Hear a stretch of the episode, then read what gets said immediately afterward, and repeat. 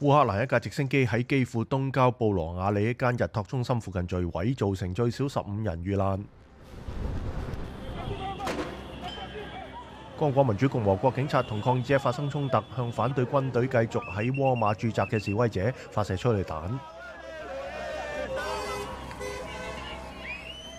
由于通胀上升，英格兰各地嘅护士开始为期两日嘅罢工。新冠疫情导致病人轮候时间延长。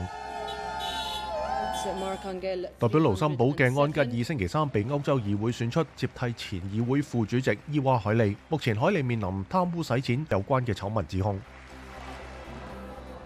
澳洲航空公司一架从新西兰飞往悉尼嘅航班喺星期三因为发动机故障喺太平洋上空发出求救信号之后安全降落。